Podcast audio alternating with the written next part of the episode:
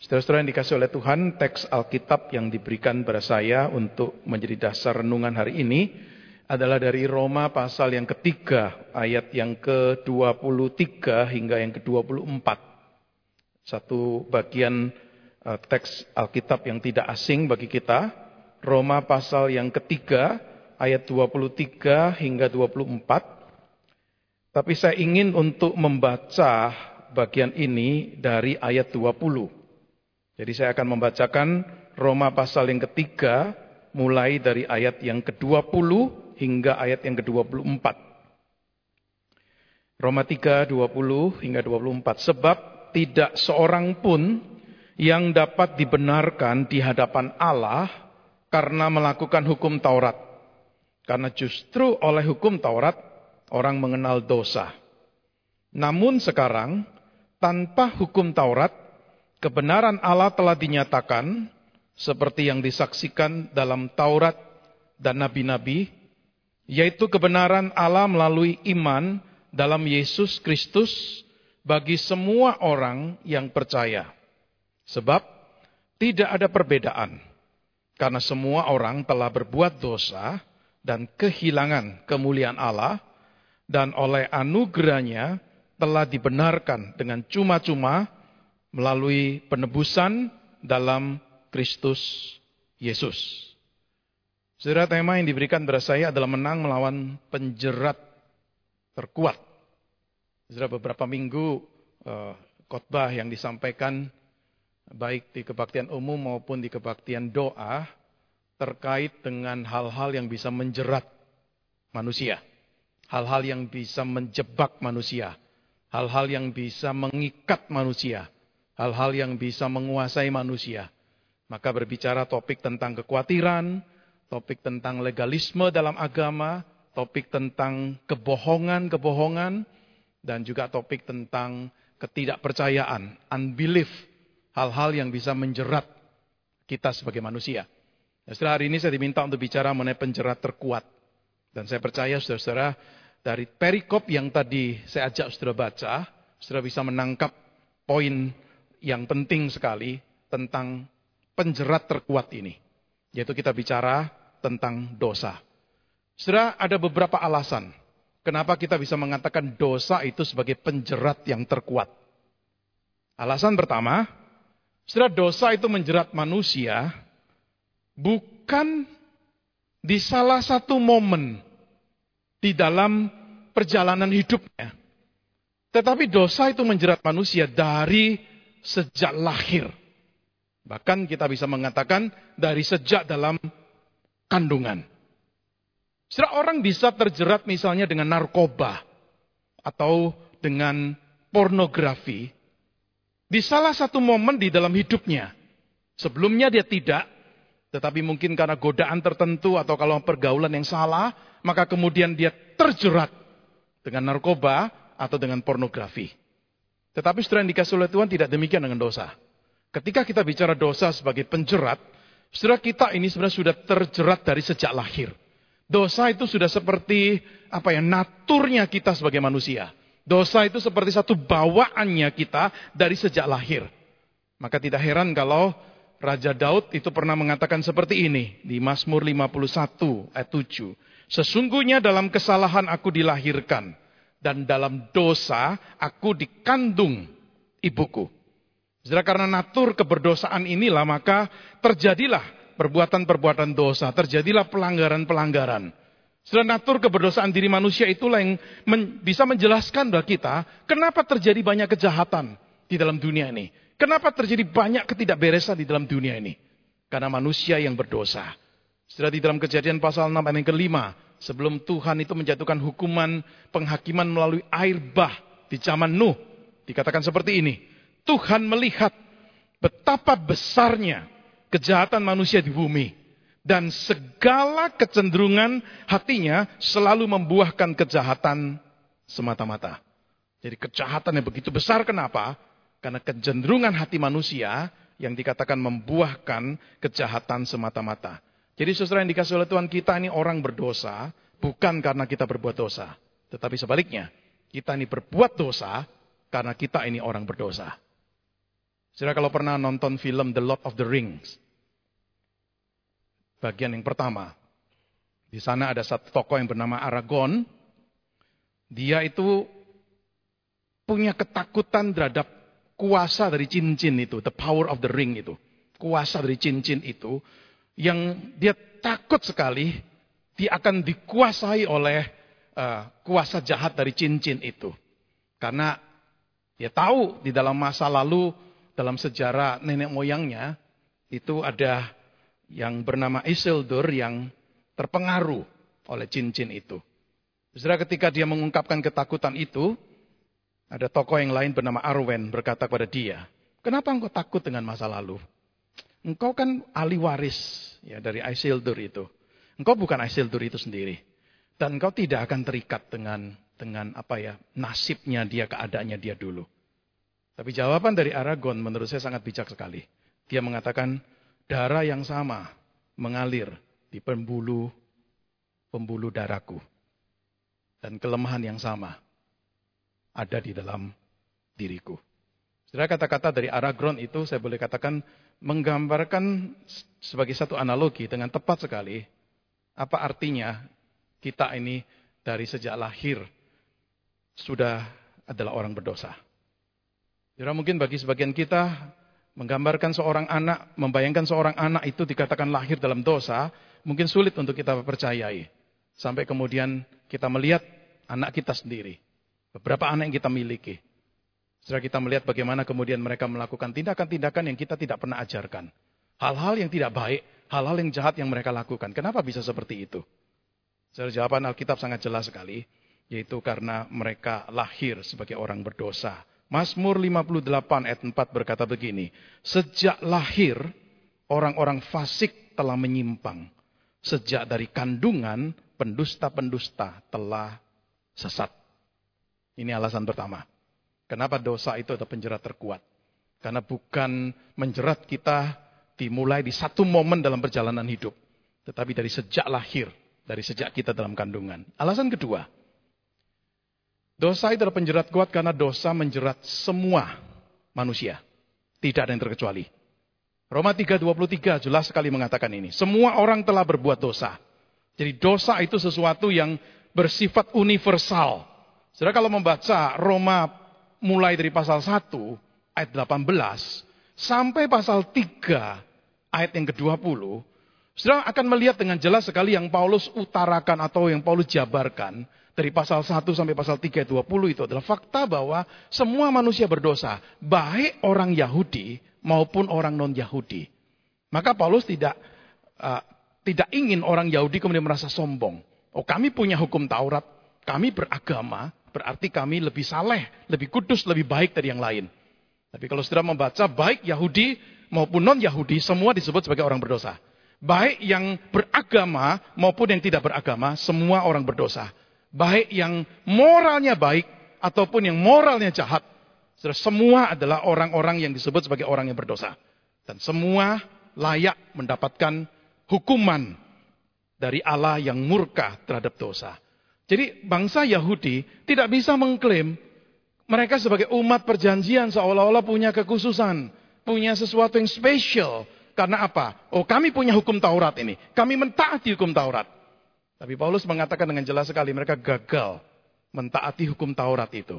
Mereka tidak bisa meninggikan diri mereka lebih daripada orang-orang lain karena mereka sendiri adalah orang-orang berdosa. Setelah tidak berarti bahwa setiap orang itu itu sama dosanya dengan orang lain, seberdosa orang lain. Saudara kita, saya tidak bicara tentang itu. Tingkatan perbuatan dosa itu bisa berbeda. Tetapi yang saya maksud dengan semua kita, semua manusia berdosa adalah kondisi kita semua sama di hadapan Tuhan. Semua kita terhilang. Tidak ada kita yang bisa mendekati standar yang Tuhan mau. Saudara bayangkan ada tiga orang berenang, katakanlah dari dari mana? Dari Hawaii ke Jepang. Tiga orang berenang. Orang pertama tidak bisa berenang. Begitu dia masuk ke air, ke laut, sungai, langsung mati. Karena dia tidak bisa berenang. Orang kedua, perenang yang buruk. Dia mungkin masih bisa berenang, katakanlah satu kilo.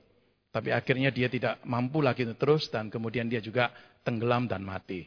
Orang ketiga adalah perenang yang profesional, jago renang. Katakanlah dia bisa mencapai sampai 10 kilo. Tapi kemudian akhirnya dia lanjut lagi ke 10 kilo berikutnya. Dia tidak sanggup dan akhirnya juga mati. Tenggelam. Saudara tiga orang dengan kondisi yang sepertinya berbeda. Yang satu bisa sampai cukup 10 kilo. Yang satu baru masuk sudah mati. Yang satu mungkin cuma satu kilo. Berbeda. Tetapi semua kondisinya sama. Yaitu semua tidak bisa mencapai negara Jepang dari Hawaii. Semua dalam kondisi yang sama, yaitu apa? Mereka semua mati, tenggelam. Jadi tidak ada tingkatan dalam tenggelamnya. Karena semua mati di dalam tenggelam itu. Setelah ini keadaan yang kita uh, lihat dalam apa yang dikatakan oleh Paulus di Roma. Maka di Roma 3 ayat 10 Paulus berkata begini. Tidak ada yang benar. Seorang pun tidak. Tidak ada seorang pun yang benar. Tidak ada dari kita yang hidup di satu momen, dikatakan di momen itu sama sekali kita ini bisa sinless. Saudara, kita ini tidak pernah bisa sinless di dalam hidup kita ini. Karena kita tidak pernah bisa mencapai sesuai dengan apa yang menjadi standar dari Tuhan. Paulus katakan di sini kita semua orang berdosa dan kita telah kehilangan kemuliaan Allah. Yang harusnya kita diciptakan sebagai gambar rupa Allah. Untuk menunjukkan kemuliaannya. Tetapi kita di dalam kehidupan kita gagal untuk bisa menunjukkan kemuliaan Allah melalui kehidupan kita. Alasan ketiga, kenapa dosa itu penjerat terkuat? Karena dosa itu menjerat semua manusia sedemikian rupa, sehingga tidak ada satupun manusia yang bisa atau yang mampu untuk melepaskan dirinya atau menyelamatkan dirinya dari dosa yang menjeratnya dengan usahanya sendiri. Maka di dalam Roma pasal 3 ayat 9 Paulus berkata begini kepada orang-orang Yahudi. Jadi bagaimana? Apakah kita memang lebih baik? Ya, karena kan orang Yahudi membanggakan, oh kami taat hukum Taurat. Paulus tanya, apakah memang kita lebih baik? Sama sekali tidak. Sebab di atas telah kita tuduh bahwa baik orang Yahudi maupun orang Yunani, bahwa mereka semua ada di bawah kuasa dosa. Kata dosa di Roma pasal 3 ayat 9 itu singular. Bukan plural, bukan jamak. Bukan bicara perbuatan-perbuatan dosa.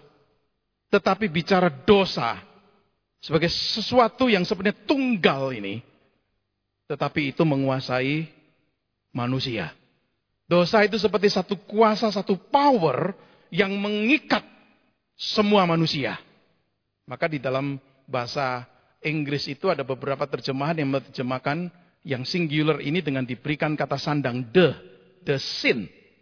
Jadi ini kita bukan bicara perbuatan-perbuatannya. Tapi kita bicara dosa itu sebagai seperti satu power, sebagai satu kuasa, seperti satu raja, seperti satu tuan yang berkuasa dan seluruh manusia itu adalah hambanya. Maka manusia itu menjadi tawanan dosa, dosa itu seperti tuan, dan kita ini menjadi hamba dosa.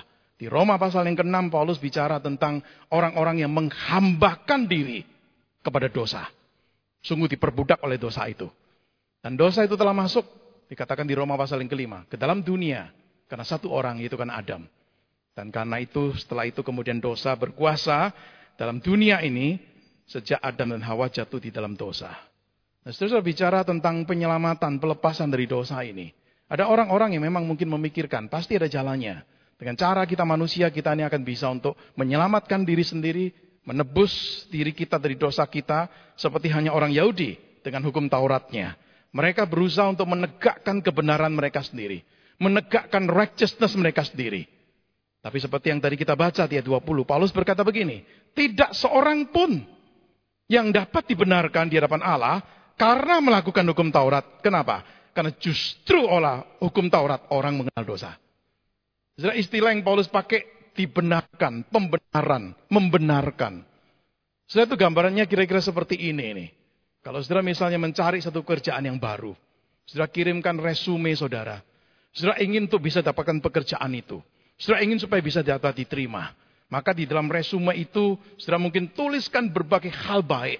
Keunggulan-keunggulan yang saudara punyai kehebatan-kehebatan saudara, gelar-gelar pengalaman. Dengan tujuan apa? Supaya orang yang membaca resume ini melihat, wah memang orang yang layak untuk diterima.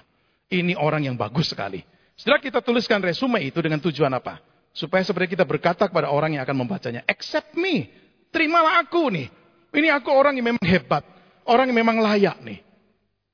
Saudara yang dikasih oleh Tuhan, analogi ini saya pakai untuk menggambarkan ungkapan yang dipakai oleh Paulus di sini.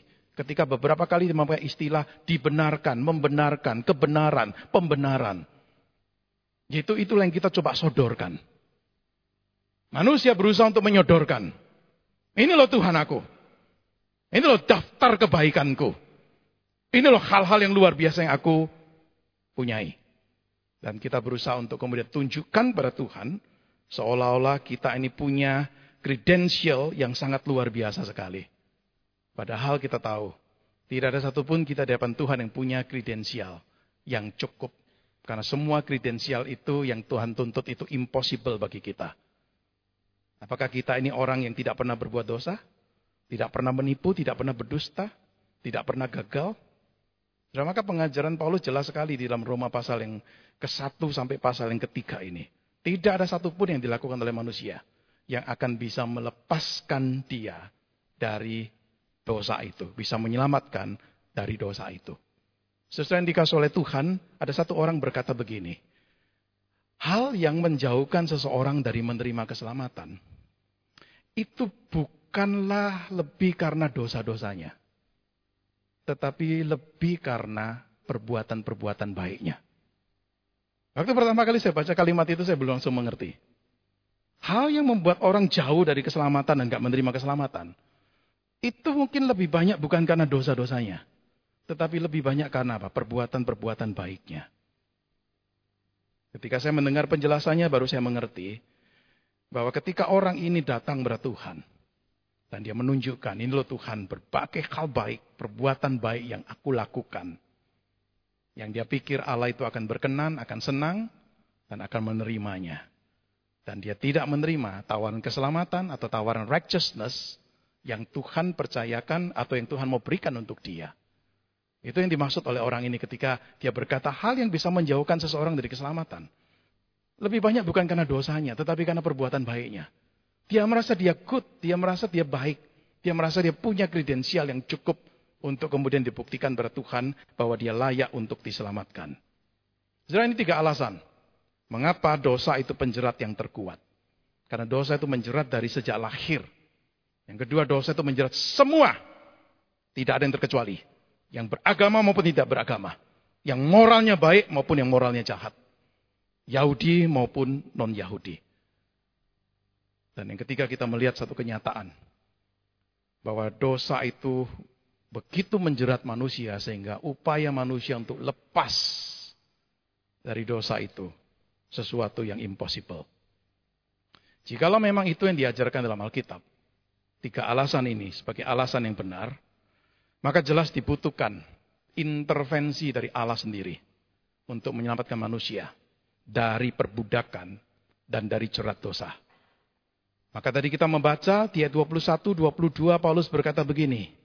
Namun sekarang tanpa hukum Taurat, kebenaran Allah, righteousness from God telah dinyatakan seperti yang disaksikan dalam Taurat dan nabi-nabi, yaitu kebenaran Allah atau the righteousness from God melalui iman dalam Yesus Kristus bagi semua orang percaya sebab tidak ada perbedaan. Setelah Paulus tunjukkan bahwa upaya manusia untuk bisa mendapatkan pembenaran atau dibenarkan itu ternyata tidak bisa dengan usahanya sendiri. Termasuk ketaatan berhukum Taurat ternyata tidak bisa. Maka sekarang di sini Paulus bicara begini. Oke, sekarang terlepas dari hukum Taurat. Ya, kita nggak bicara hukum Taurat ini. Ternyata kebenaran Allah, righteousness from God ini, sekarang ini diberikan. Sudah bukan sesuatu yang kemudian Paulus katakan, kau bisa dapatkan sekarang ini. Tetapi nada dari ayat 21-22 jelas sekali. Ini sesuatu yang dinyatakan oleh Allah sendiri. Sesuatu yang diberikan yang datangnya dari Allah sendiri. Dan inilah berita Injil. Sudah maka di luar berita Injil, kita ini harus mengembangkan righteousness kita sendiri supaya kita ini bisa diterima oleh Tuhan. Tetapi kebenaran Injil menunjukkan dengan jelas sekali tidak. Tuhanlah yang melakukan itu untuk kita orang berdosa. dan kemudian menawarkan kebenaran itu kepada kita. Dan itu akan menjadi bagian kita ketika kita itu dengan iman menerimanya. Inilah yang dimaksud oleh Paulus ketika dia mengatakan, sekarang saya bicara kebenaran dari Allah tanpa hukum Taurat. Jangan kaitkan dengan hukum Taurat. Karena kalau kaitkan dengan hukum Taurat, engkau tidak akan mungkin bisa punya kredensial yang cukup untuk bisa memenuhi tuntutan dari Tuhan sendiri. Saya percaya saudara inilah keunikan dari kekristenan, inilah keunikan dari uh, berita Injil. Dan di ayat 24 Paulus berkata begini, dan oleh anugerahnya telah dibenarkan dengan cuma-cuma melalui penebusan dalam Kristus Yesus. Istilah penebusan istilah yang sering dipakai untuk menebus misalnya seorang budak atau seseorang yang memang perlu untuk dibebaskan untuk membayar hutang sesuatu maka kemudian dipakai istilah menebus. Dari satu perbudakan dari satu keadaan di mana orang itu memang perlu untuk ditolong. Di sini kita melihat saudara hutang dosa seluruh manusia itu satu hutang yang sangat besar sekali dan tidak ada yang bisa membayarnya kecuali Allah sendiri bertindak membayar hutang yang cukup besar itu. Dan dengan jelas sekali di ayat 24 ini Paulus mengaitkan penebusan itu dengan karya Kristus di kayu salib. Karena itulah harga yang dibayar oleh Allah untuk melepaskan manusia berdosa dari jerat dari perbudakan dosa itu. Setelah yang dikasih oleh Tuhan akibat dari penebusan itu apa? Ayat 24 jelas dikatakan. Oleh anugerahnya kita telah dibenarkan dengan cuma-cuma. Jadi bukan kita sekarang menawarkan kredensial kita pada Tuhan, tetapi sekarang Tuhan yang bertindak membenarkan kita. Setelah bagi saya istilah pembenaran atau dibenarkan itu selalu mengandung beberapa makna di dalamnya. Karena itu istilah sebenarnya adalah istilah di dunia hukum, di dunia pengadilan. Itu dipakai dalam Alkitab untuk menggambarkan seseorang dibenarkan. Pertama sudah ada nada apa? Ada ada hal yang terkait dengan pengampunan. Engkau diampuni ini. Untuk segala perbuatan dosa yang kau lakukan. Yang kedua adalah engkau dilepaskan dari kesalahan dan juga dari hukuman dosa. Dan yang ketiga, itu dalam kaitan dengan engkau memiliki hubungan yang benar kembali dengan Tuhan. Sudah istilah justification, istilah pembenaran itu adalah istilah bukan sekedar bicara seseorang diampuni. Tetapi seseorang yang oleh Allah sendiri itu dinyatakan tidak bersalah. Oleh Allah sendiri itu kemudian diterima. Bukan lagi sebagai musuh. Bukan lagi sebagai orang yang harusnya dihukum. Tetapi seseorang yang dikasihi dan diterima sebagai anaknya. Dan dikatakan oleh Paulus dengan dua istilah, dengan dua ungkapan. Dengan cuma-cuma. Saudara mengerti artinya kan? Betul-betul ini pemberian dari Allah dengan cuma-cuma. Tanpa bayaran, tanpa usaha kita. Lalu ungkapan yang kedua adalah oleh anugerahnya. Jadi sudah bisa bayangkan dicepit oleh dua hal ini. Oleh anugerahnya kita telah, telah dibenarkan dengan cuma-cuma. Dua hal ini mengindikasikan dengan jelas sekali ini adalah betul-betul belas kasihan Tuhan yang bukan karena kita layak untuk mendapatkannya. Tetapi karena Allah sendiri yang berbelas kasihan untuk menyelamatkan dan menolong kita. 2 Korintus 5:21 berkata seperti ini. Dia yang tidak mengenal dosa telah dibuatnya menjadi dosa. Karena kita supaya di dalam dia kita dibenarkan oleh Allah. Jadi ini satu berita yang sangat luar biasa sekali. Tidak ada pelanggaran, tidak ada kegagalan, tidak ada dosa kita yang diperhitungkan. Semuanya diampuni dan kita dinyatakan sebagai orang yang tidak bersalah, kita dinyatakan sebagai orang yang benar dan Allah itu menjalin mau menjalin relasi dengan kita. Dia yang benar, dia yang 100% righteous mau untuk berelasi dengan kita orang yang berdosa. Sering dikasih oleh Tuhan ada satu orang menggambarkan begini dengan satu analogi. Saya percaya setiap analogi pasti tidak ada yang sempurna, tapi kira-kira dia menggambarkan begini. Kita bayangkan hidup kita itu sama seperti misalnya uh, sebuah buku besar yang di dalamnya begitu banyak catatan-catatan perbuatan-perbuatan kita. Ya, ada yang baik, tetapi mungkin lebih banyak yang tidak baik yang kita lakukan. Nah, ketika Allah mengampuni kita, ketika Allah membenarkan kita, itu sebenarnya semua diambil. Sehingga catatan itu menjadi empty, menjadi kosong. Kalau itu seperti buku, maka buku itu kosong. Tetapi nggak berhenti sampai di sana. Pada waktu kita bicara justification, bukan sekedar buku itu kosong. Catatan tentang dosa itu nggak ada lagi, bukan hanya itu. Tetapi kemudian di dalamnya ada catatan-catatan kebaikan, righteousness yang adalah milik Kristus. Yang diperhitungkan untuk kita. Sehingga ketika Allah melihat kehidupan kita dan membaca buku besar itu, yang dia baca bukan dosa-dosa kita, tetapi yang dia baca adalah catatan-catatan kebaikan, kebenaran. Luar biasanya. Yesus itu. Dan itu diperhitungkan untuk kita. Ada orang berkata begini, pembenaran atau justification atau dibenarkan, itu mengandung dua aspek. Dia mengatakan pertama, sepertinya kita bisa berkata begini, seolah-olah saya tidak pernah berbuat dosa. Tapi aspek yang lain adalah seolah-olah saya itu selalu taat. Dua hal ini. Sebenarnya kita ini menjadi orang yang tidak pernah berbuat dosa. Atau sisi yang lain kita bisa mengatakan kita ini adalah orang yang selalu taat. Nah ini pembenaran. Nah Paulus katakan ini hanya bisa diterima melalui apa? Melalui iman nih. Sudah iman bukan pekerjaan kita. Tetapi iman adalah kita ini datang kepada Tuhan. Cuma membuka tangan kita yang kosong. Untuk menerima pembenaran itu dari Tuhan. Setelah dikasih oleh Tuhan, saya ingin ajak saudara untuk merenungkan begini. Dari apa yang kita pelajari dari Roma pasal yang ketiga, ayat yang ke-20 sampai 24 ini. Saudara setelah kita mengerti tentang dosa sebagai penjerat terkuat, dan tidak mungkin tanpa intervensi dari Allah sendiri, manusia itu bisa dilepaskan dari dosa. Dan kita bersyukur jalan pelepasan itu adalah melalui penebusan, melalui Kristus yang mati di kayu salib dan dengan itu kita dibenarkan di hadapan Tuhan. Saudara, apa implikasinya? Bagi tema hari ini. Menang melawan penjerat terkuat nih. Apa implikasinya bagi saudara dan saya yang sudah menerima nih pembenaran itu? Saudara yang saya yang sudah dibenarkan oleh Tuhan. Saudara, apa implikasinya? Saya ingin membaca satu ayat tulisan dari Rasul Paulus sendiri. Ayat yang saya percaya juga tidak asing bagi kita. Galatia pasal yang ketiga 2. Ayat yang ke-20. Paulus berkata begini. Namun aku hidup, tetapi bukan lagi aku sendiri yang hidup.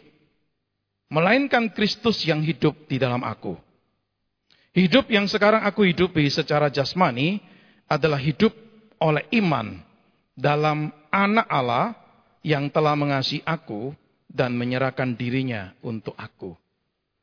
Kita percaya Paulus adalah seorang yang mengalami pembenaran dari Allah. Dibenarkan. Kebenaran dari Allah itu ada di dalam hidupnya. Maka kita bisa mengatakan dia adalah orang yang dibenarkan.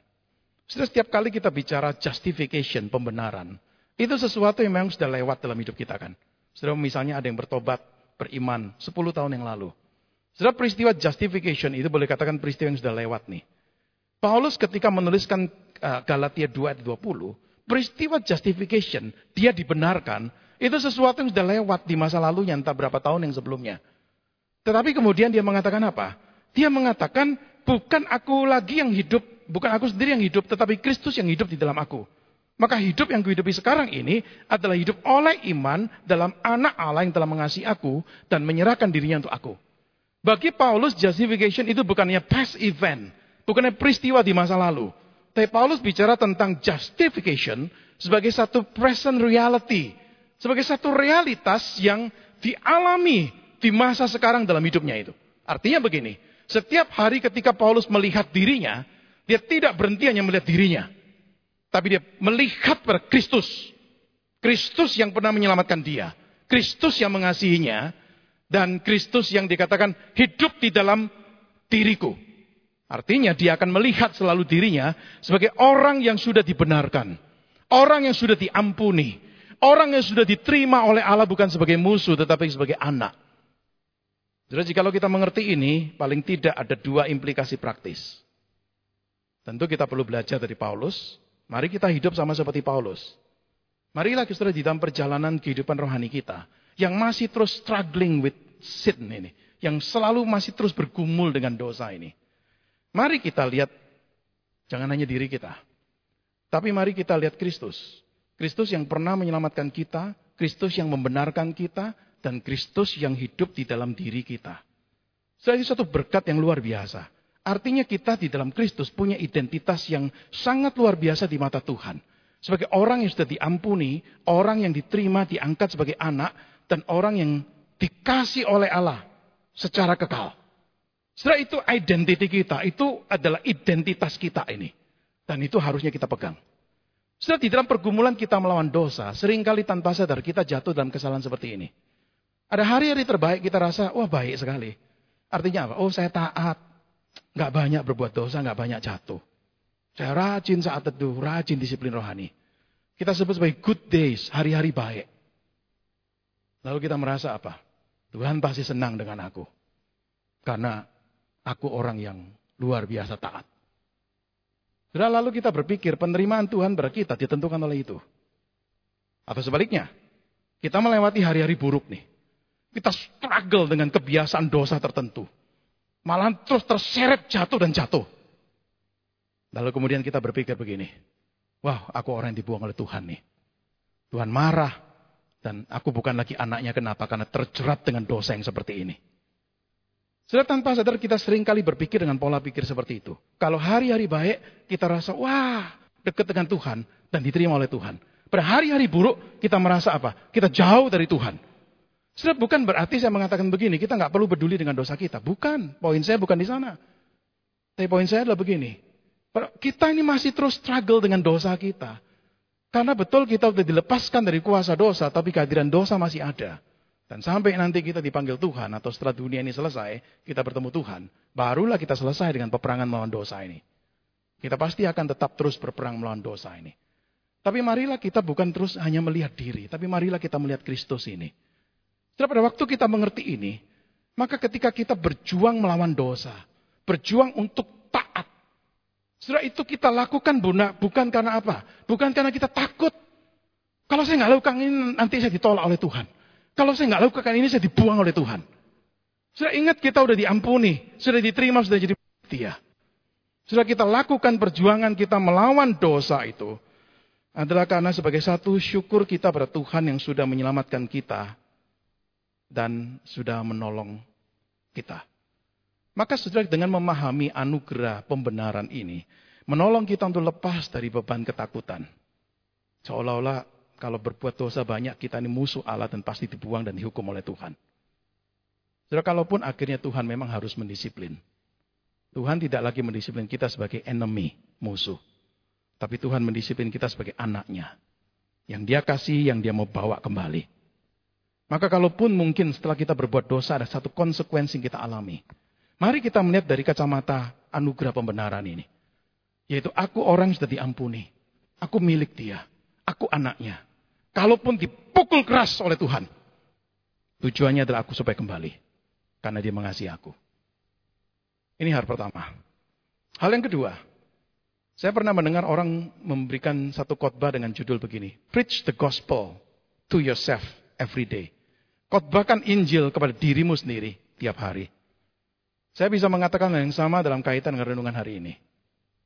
Jadi ketika Paulus mengatakan di Galatia 2:20 tadi, Bukan lagi aku sendiri yang hidup, melainkan Kristus yang hidup di dalam aku.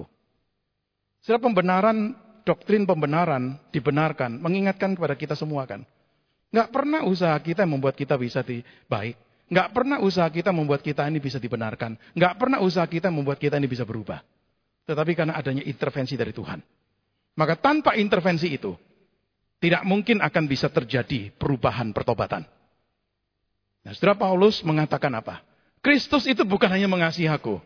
Tetapi Kristus itu tinggal dan diam di dalam aku. Inilah berita Injil. Dan Injil mengingatkan saudara dan saya. Bahwa yang kita butuhkan itu bukan self-reformation.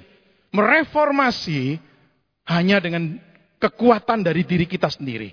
Injil mengingatkan kepada kita semua siapa kita sesungguhnya. Maka tidak pernah ada satu momen pun di mana kita ini tidak butuh Tuhan untuk menolong kita. Dan kita bersyukur dalam kesatuan kita dengan Kristus. Dia tinggal di dalam diri kita, maka kita yang bersatu dengan dia adalah bersatu juga di dalam dia yang punya kuasa yang luar biasa. yang mampu untuk menolong kita untuk melakukan apa yang mungkin sebelumnya kita sangat sulit sekali untuk kita lakukan. Kuasa kebangkitan Kristus adalah kuasa yang juga tersedia untuk saudara dan saya. Maka Paulus pernah berkata di Efesus pasal ke-1, pasal kedua, bicara tentang kuasa kebangkitan ini. Supaya matamu terbuka ini loh. Ini kuasa yang tersedia ini. Maka di dalam Kristus kita punya, saya sebut sebagai potential. Bukan potensial kekuatan karena kita hebat. Tetapi karena kita in Christ di dalam Kristus. Maka kita punya potensi untuk melawan dan mengalahkan dosa itu. Kita bisa berkata tidak berdosa, kita bisa berkata ya pada hal-hal baik yang memang harusnya kita lakukan. Di dalam pergumulan kita melawan dosa, kita bersyukur. Kita ini tidak berperang sendirian. Kita tidak berjuang sendirian. Karena dia yang ada di dalam diri kita, dialah yang memberi kekuatan, pertolongan, kemampuan, potensi untuk kita bisa menang melawan dosa. Paulus katakan di Roma pasal 6, memang betul engkau dulu hamba dosa. Karena engkau hamba dosa, mau tidak mau engkau pasti tunduk pada dosa. Engkau nggak bisa lepas dari dosa itu. Tetapi dalam Kristus engkau sudah dilepaskan, tidak lagi jadi hamba. Tidak lagi jadi hamba. Maka kita bisa untuk menolak kuasa dari Tuhan yang sebelumnya, yaitu dosa itu. Dan itu hanya dimungkinkan in Christ, di dalam Kristus. Saudara biarlah yang menjadi satu perenungan untuk kita, merenungkan topik tentang bagaimana kita bisa e, menang melawan pencerat yang terkuat ini. Mari kita berdoa. Berkati ya Tuhan untuk apa yang kami renungkan, khususnya dari apa yang dituliskan oleh Paulus di surat Roma pasal yang ketiga. Kami dibawa pada satu pemahaman kami sebagai manusia berdosa, orang berdosa. Dari sejak lahir, dari sejak kandungan. Kami semua orang berdosa. Dan karena kami orang berdosa inilah, maka kami melakukan perbuatan-perbuatan dosa. Dan diingatkan kami semua, tidak ada yang terkecuali, adalah orang berdosa. Dan kami diingatkan, disadarkan sepenuhnya, bahwa kami bisa dibenarkan, bisa diterima oleh Tuhan, bisa diampuni, bisa diterima dan dikasih oleh Tuhan Bukan karena kemampuan, kehebatan, ataupun perbuatan, ataupun jasa baik kami. Tetapi semata-mata karena anugerah Tuhan. Melalui penebusan dalam Kristus Yesus. Yang membawa kami untuk bisa dibenarkan. Dengan cuma-cuma. Ya Tuhan biarlah kebenaran mengenai Injil ini. Bukan mengenai justification ini. Menolong kami di dalam realitas kami setiap hari terus bergumul melawan dosa. Tuhan kami bersyukur. Karena Engkau tetap mencintai kami. Engkau tetap adalah Tuhan yang tidak pernah membuang kami sebagai anak-anakmu. Sekalipun di dalam perjalanan kami, kami bisa gagal. Taat pada Tuhan. Dalam perjalanan kami, kami bisa melakukan hal-hal yang mendukakan Tuhan. Tetapi Tuhan kasihmu pada kami tidak pernah berubah. Kami adalah orang-orang yang engkau ampuni, engkau terima, engkau kasihi dengan kasih yang kekal. Kalaupun engkau akhirnya harus dengan keras mendidik kami, kami melihat itu sebagai didikan sebagai seorang ayah, seorang bapak yang mengasihi anak. Kami sebagai anak-anakmu. Tolong kami Tuhan untuk belajar melihat ya Tuhan, bahwa di dalam Kristus kami tidak berjuang sendirian melawan dosa. Di dalam Kristus yang mampu untuk mengalahkan dosa. Kristus yang mampu untuk membenarkan orang percaya. Kristus yang mampu mereformasi orang berdosa. Atau Kristus yang juga tinggal dan berdiam di dalam hidup kami. Dan kami bersama dengan Kristus dimampukan untuk bisa melawan penjerat yang terkuat yaitu dosa di dalam hidup kami. Sehingga potensi untuk kami bisa menang itu selalu ada. Biarlah kami selalu berpikir dari perspektif ini yang Tuhan. Sehingga kami bisa terus berjuang untuk terus menang. Tidak dikalahkan karena kami bukan lagi hamba dosa. Dosa bukan lagi sebagai Tuhan, yang bisa menawan, menjerat kami, sehingga kami tidak bisa lepas darinya. Tetapi kami bisa di dalam Kristus menang melawan kuasa dosa itu. Berkati renungan firman-Mu untuk menjadi bagian dalam kehidupan kami, menuntun kami di dalam perjalanan hidup iman kami. Di dalam nama Tuhan Yesus kami berdoa dan bersyukur. Amin.